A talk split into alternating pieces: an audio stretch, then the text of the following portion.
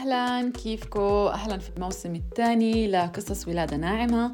معكم روان أبو تاي عواد مؤسسة المنصة على الإنستغرام. ما تنسوا تتابعوها منصة ولادة ناعمة ومدربة HypnoBirthing والولادة المحولة الواعية بعد شوي رح نكون شوي لكم مع الأستاذة علياء المؤيد. أنا جدا متحمسة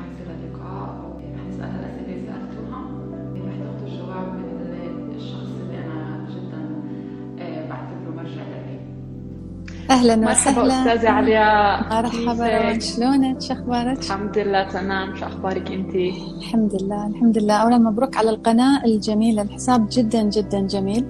شكراً. وتصفحت فيه وجدا جدا جميل المحتوى. فعلا نحتاجه في العالم العربي. شكرا كثير. هذا شرف لإلي هاي الشهادة. شكرا كثير لك. شكرا للوقت اللي أعطيتيني إياته. حتى نطلع فيه لايف ونجاوب على ال- المتابعات اللي بعثوا لنا إياها. خلاص إن شاء الله إن شاء الله. إن شاء الله. بحب أعرفكم على الأستاذة علياء المؤيد أخصائية تغذية باحثة في مجال الوعي والتشافي الفطري. بالنسبة لي أستاذة علياء أنت من المراجع المهمة جدا اللي بعتمد على المعلومات اللي بتحكيها لأنه كثير طرحت مواضيع اللي هي جديدة وجريئة جدا يعني م- مقارنة بالمعلومات المعروفة والخرافات اللي بنسمعها تعال نسميها. مم. وأنا كثير سعيدة إنه أسألك كم سؤال. رح نبدأ عن صحة الحوامل آه، من بداية الحمل لما بعد ال- الولادة كمان.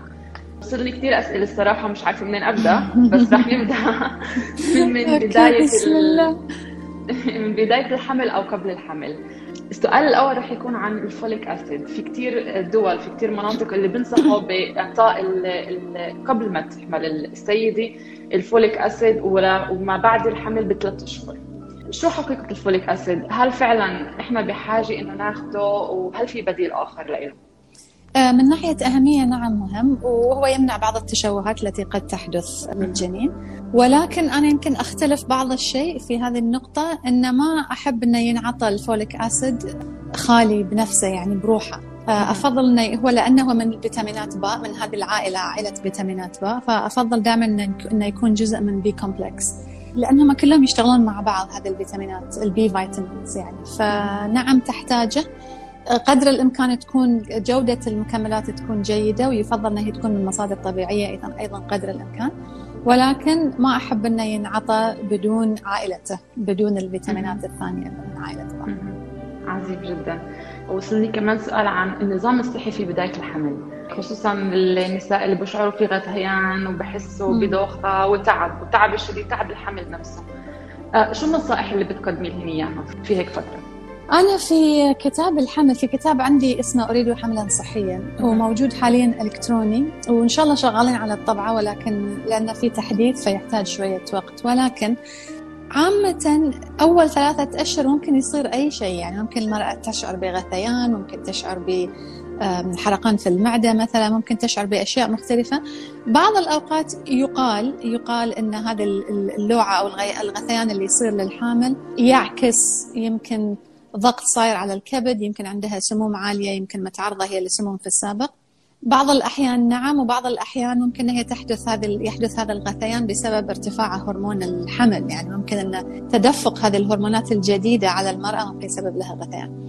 فأنا عادة أقول في هذه المرحلة كوني لطيفة رؤوفة بنفسك. يعني آه، صح إن هي بعدين مث- مثلا بعض الأوقات تكلمني تقول لي برنامجي كان ماشي صح وكنت مسوية كل شيء صحي وكذا ولكن وقت فترة الغثيان ما كنت أقدر أشرب إلا مثلا carbonated water اللي هو الماء ال- الغازي يعني. أو ما قدرت أشرب الماء الدافي اضطريت إني أشرب ماء بارد. أو ما يعني أو بعض الأشياء الأخرى اللي ما في داعي إن إحنا نذكرها عشان الأشياء اللي يغشون فيها من النساء الحوامل بس آه، فدائما أقول لها كوني لطيفة. أنت في هذه الفترة هدفك فقط هو النجاة هو الوصول إلى الكفة الأخرى. فنستمع إلى الجسد نراعي الجسد نراعي هذا الغثيان. إذا الروائح تسوي لك غثيان تبتعدين عنها. إذا المعطرات إذا كذا. و لا يعني لا تخاف المرأة الحامل من أنها هي تتكلم وتدافع عن نفسها أيضا. إذا مثلا في مكان العمل موجودة هذه المعطرات الصناعية وهي اللي تسوي لها لوعة وت- وتتعبها لا تستحين من كل شيء. يعني خل نحتاج نساء حوامل أكثر تتكلم عن الأخريات أيضا. عشان هم يشقون الطريق عشان باقي الحوامل مو لازم إنه يتعرضون لكل هذه السموم والروائح الصناعية وهذه الأشياء بسرعة بسرعة تلتقطها المرأة الحامل. فحرام تتعب يعني. صحيح. بالنسبة للمكملات الغذائية السؤال اللي محير أغلب النساء. هل في مكملات غذائية اللي فعلا بحاجة إنهم يأخذوها عن طريق أدوية أو يفضل يأخذوها من الطبيعه من من الأكل اللي بناخذه الشرب اللي بناخذه إيش إيش النصيحة اللي بتحكيها بهذا المجال؟ شوفي عشان نعمم صعب جدا إن إحنا نعمم على كل النساء الحوامل. يعتمد هي ابتدت بمستوى معين أكيد من الفيتامينات والمعادن والفوائد اللي في جسمها. ابتدت بصحة معينة ابتدت يمكن بسمنة أو بنحافة أو ب...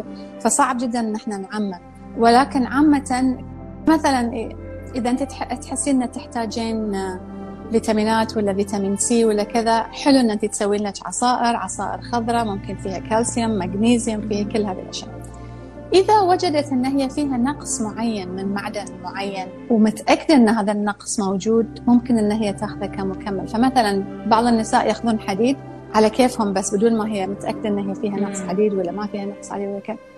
وإذا لعبنا بالحديد أو لعبنا بالزنك كل واحد بروحه يعني بدون ما يكون شامل لكل الأشياء مع بعض ممكن إن إحنا نخرب على أشياء ثانية مستويات أخرى. فأفضل إن هي تحصل على هذه الفيتامينات والمعادن نعم من الأكل ولكن يمكن أيضا خطوة إضافية ممكن تحصل عليها من الأكلات الخارقة. فال superfoods ممكن يكون تمر عجوة ممكن يكون goji berries ممكن يكون عشبة القمح عشبة الشعير. شمندر يعني في بعض الأكلات اللي هي فعلا محتواها من الفوائد والمعادن جدا عالي فممكن إن إحنا نلجأ له في هذه الحالة. عظيم جدا. كمان سؤال عن خلال فترة الحمل، إيش هي الأغذية اللي بتساعد على رفع وزن الجنين؟ في نساء كثير اللي بيروحوا عند الطبيب خلال خلال السنة بين إنه الجنين وزنه أقل من المعدل بكثير فهن بفوتوا بتوتر ما بيعرفوا كيف يتصرفوا. هل في أغذية معينة فعلا ممكن ياخذوها اللي ترفع من وزن الجنين؟ امم هذا السؤال شوي يعني أنا لا أعتقد إن إن إحنا عندنا تحكم في وزن الجنين، لا أعتقد إن الأم عندها control إن هي ترفع وتنزل عن طريق أكلات معينة ترفع وتنزل في وزن ال baby. يعني صعب جدا ال baby يتغذى منك تماما. فإذا وزنه ما قاعد يزيد قد تكون مشكلة في المشيمة قد تكون مشكلة في الدورة الدموية قد تكون أشياء عديدة إحنا ما نعرف عنها ويمكن أفضل أن هي تستشير طبيبها في هالموضوع.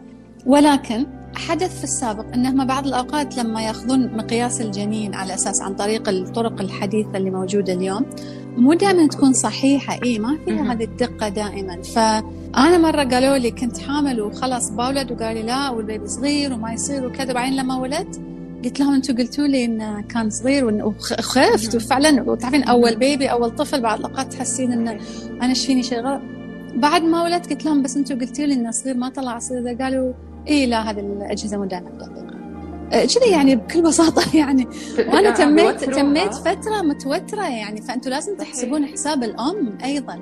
خاصة إذا الأم تحاسب يعني وما تعرف يعني هذا شيء أنا ما عندي كنترول عليه أبدا. فهي تواظب على أنه يكون أكلها هي صحي. إذا عندها نحافة زايدة يمكن تحتاج أن هي تضيف بعض الزيوت الأساسية مثلا تضيف بعض السعرات الحرارية. بس البيبي بياخذ منك يعني. في الأخير الأم اللي بتعاني مو شرط الجنين. فبيكون على حساب الأم. ولكن يعني حابة بس أطمن الأم المرأة الحامل أن مو كل شيء نعرفه اليوم في الطب الحديث دقيق. في بعض الأشياء ما يعرفونها بالضبط وحرام أن أنت توترين روحك وتدخلين في هذا الستريس لأن هذا القلق أصلا نفسه ممكن أنه يسحب معادن وفيتامينات من الجنين. فبالعكس عيشي حياتك وخلي تكون النفسية سعيدة أيضا في نفس الوقت. مهم جدا هذا الحديث لأنه في النظام الصحي الموجود حاليا وجزء من الأطباء اللي مجرد ما راحت المرأة على على فحص وشاف في مشكلة صغيرة هنا بيسموها مشكلة مش مفروض يذكروها بكلمة مشكلة لأنه كلمة مشكلة بحد ذاتها ممكن توتر الأم وتفوتها بضغط وتوتر اللي رح يأثر عليها سلبيا.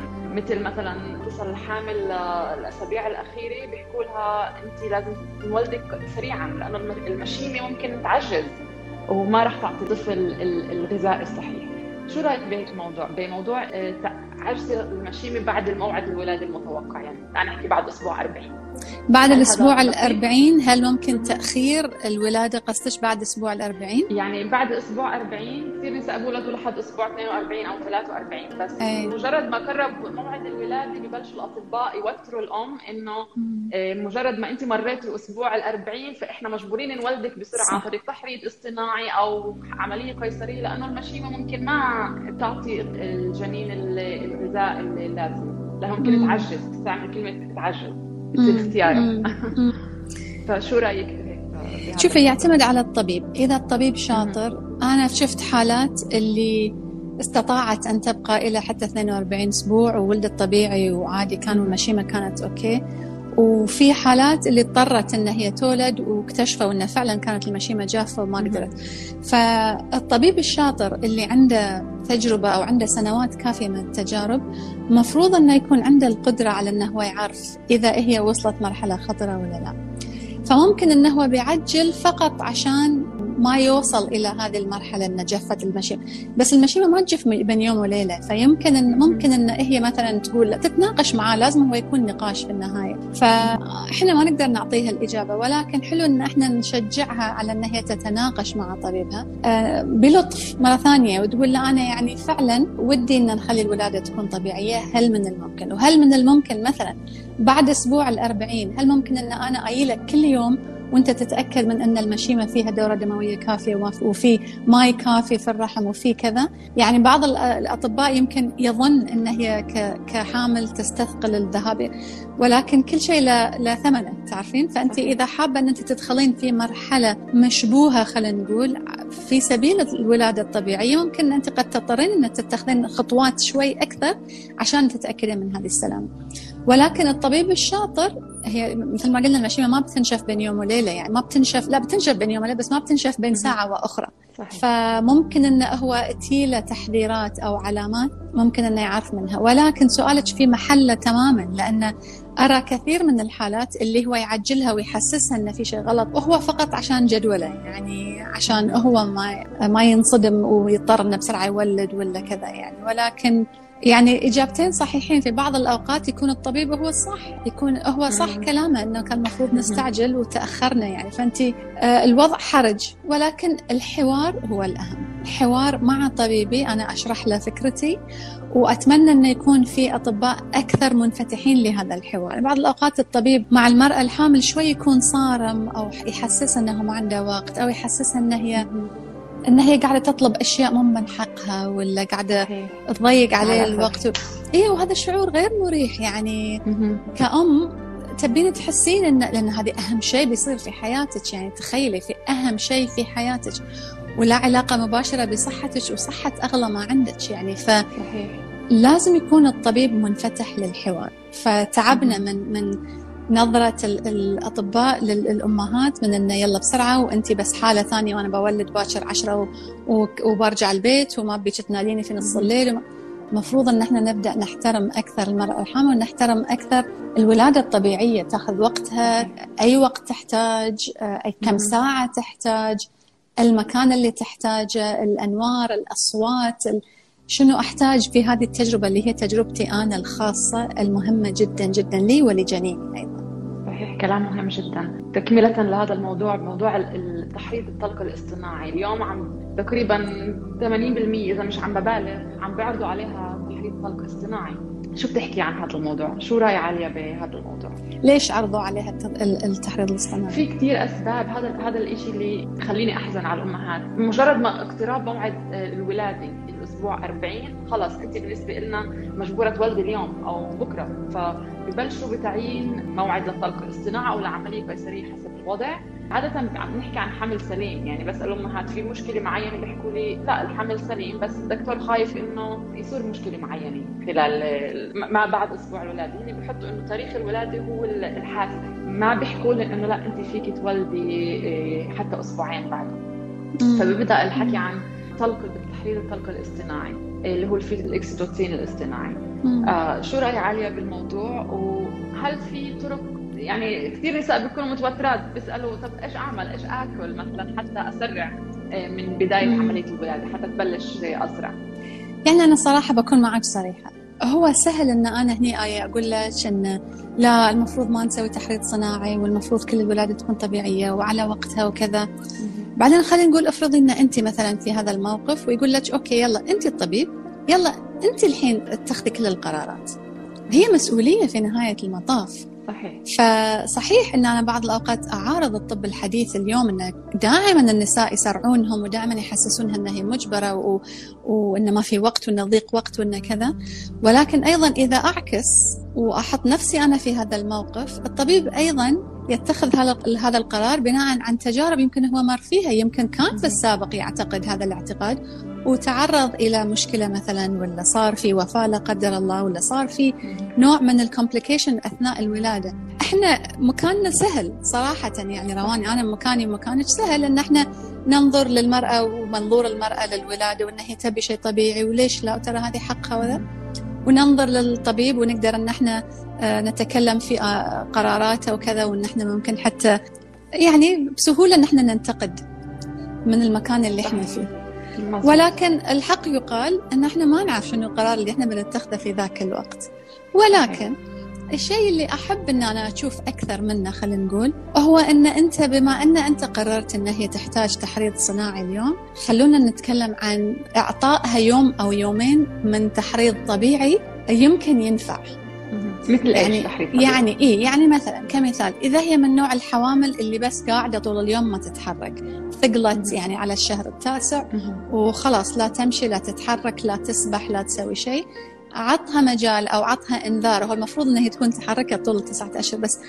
إذا حسيت إنه هو الكسل هو السبب عطها إنذار قول لها عندك 48 ساعة مثلا يومين تتحركين فيهم تسبحين فيهم تسوين فيهم حركات معينة من اليوغا مثلا هاي الحركة اللي كأنك كأن كأن الجلوس القرفصاء اللي يسمونها كأنك كأن الجلوس اللي في الحمام الشرقي. عطها فرصة جسديا تتحرك بعض الأشياء.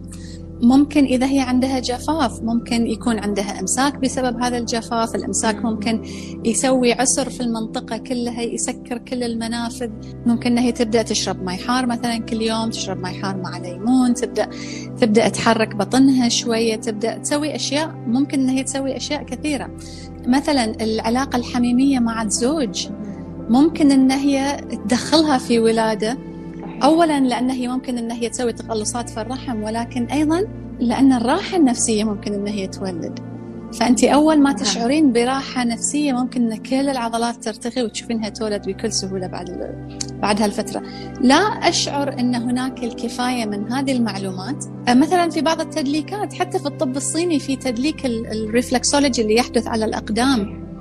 اللي ممكن مو بس يحفز الولادة في مناطق معينة هم خبراء فيها يعني يعرفون مو بس يحفز الولادة ولكن ممكن حتى يقلب البيبي إذا راسه فوق وريله تحت. ممكن أن في مناطق معينة يحفزونها في, في القدم. إيه سبحان الله يعني. ففي خبراء غيرك إذا أنت طبيب مولد أو حتى إذا هي المرأة الحامل تشاهد الآن أنت مو ملزومة فقط بهذا الخبير. نعم أنت بتروحين حق هذا الخبير للولادة نفسها ولكن ممكن أنت تستشيرين خبراء مختلفين في أشياء مختلفة على أساس أن أنت والدة والدة خلاص يعني. صحيح. الحين ممكن أن صعب أن أنت تسوين الحين تسببين مشكلة لأن أسوأ ما يمكن يحدث أنك تولدين يعني فبتولدين خلاص يعني. فالتدليك عامة. ولكن أهم شيء اللي ودي أنه يتكلم معاها فيه هو الارتخاء النفسي. من كثر ما هي تتابع يمكن أشياء. وتقول والله تعرفين اليوم البنات الشابات اللي بيحملون في تطبيقات في أشياء إنه مثلا على الأسبوع الفلاني انت بالبيبي المفروض يكون كذا وإن مشاعرك المفروض تكون كذا وإن جسدك المفروض يكون شكله كذا. صعب لأنه ما في مرأة حامل مثل غيرها يعني ف ما في قانون ثابت صحيح. بالضبط بالضبط. فأنا يعني أيام حملي أنا أشوى ما كان في كل هذه الأشياء. فاسهل لأن أنت بس عندك فقط انعكاس المرآة اللي عندك يعني ما عندك والله أنا بقارن نفسي بهالصورة ولا هز... كان في يعني وابننا من العصر الحجري بس كان في بس مو بهذا الكم. يعني اليوم ممكن تنزل لها ثلاث تطبيقات وكل تطبيق ممكن يرسل لها رسالة يقول لها الصبح إن أنت المفروض تحسين بكذا وكذا وكذا. بس لحظة أنا نفسه فوتها بالتوتر صحيح. اي بالضبط أنا ما حسيت بكذي. بس لحظة اليوم مفروض مكتوب إن اليوم مفروض يصير في مثلا ركلة من البيبي. المفروض إن أحس بعشر ركلات في اليوم. هم يحتاجون معلومات عامة يحطونها في التطبيق. فهم يقولون لك المفروض شنو يكون. بس أنت ما تشوفين هذا التأثير على اللاوعي على مستوى اللاوعي. المتواصل بالخوف والقلق ان أنا يمكن ما وصلت هذا الهدف اللي المفروض أكون وصلت له على 21 أسبوع مثلا ولا على 22 أسبوع. بالضبط ولازم فأتمنى أن المختص دائما يكلمها عن الراحة النفسية امسحي كل التطبيقات لا تقرين لا لا تربشين نفسك. عيشي حياتك روحي طلعي برا امشي قعدي مع الأشجار امسحي كل شيء انسي انسي إن أنت حامل. بالضبط. حتى لا تكلمين بعض الأوقات الأمهات أو الجدات ولا الخالات ولا أنت تعرفين يعني ما في داعي. صحيح. لحين ما ولدتي أكيد ما سويتي. وفلانة تنصحها بالأكل الفلاني وفلانة تنصحها ترفع ريولها وفلانة تنصحها تنزل ريولها وفلان فتتلخبط. فأنا أقول لك لا تكلمين أحد. طلعي من كل جروبات الواتساب. سكري كل التطبيقات يتحاور معها المختص أو ينصحها أو يدلها أو حتى ما تحتاج إنه هو يقول لها إحنا قاعدين نقول لها الحين اشتغلي على الراحة النفسية. سوي لك حمام دافي قعدي فيه اجلسي فيه تأمل حطي موسيقى امشي بين الأشجار خلي الأقدام تحتك بالحشيش خلي يصير هذا التواصل المباشر بالطبيعة. مباشرة الجهاز العصبي يبدأ يهدأ شوية يرتخي. لما جهازك العصبي أنت يرتخي جهاز البيبي يرتخي. والعضلات ترتخي. شوف إحنا لما نكون مسكرين لما نكون خايفين دائما مسكرين الفك. فحتى بعض الاوقات في الليل إيه. فأنا لما سويت هذه التمارين أتذكر لما كنت أسوي ال HypnoBirthing هذه الولادة بالتنويم أو الولادة الطبيعية. تعلمت في ذاك الوقت إنه يكون دائما الفك مرتخي.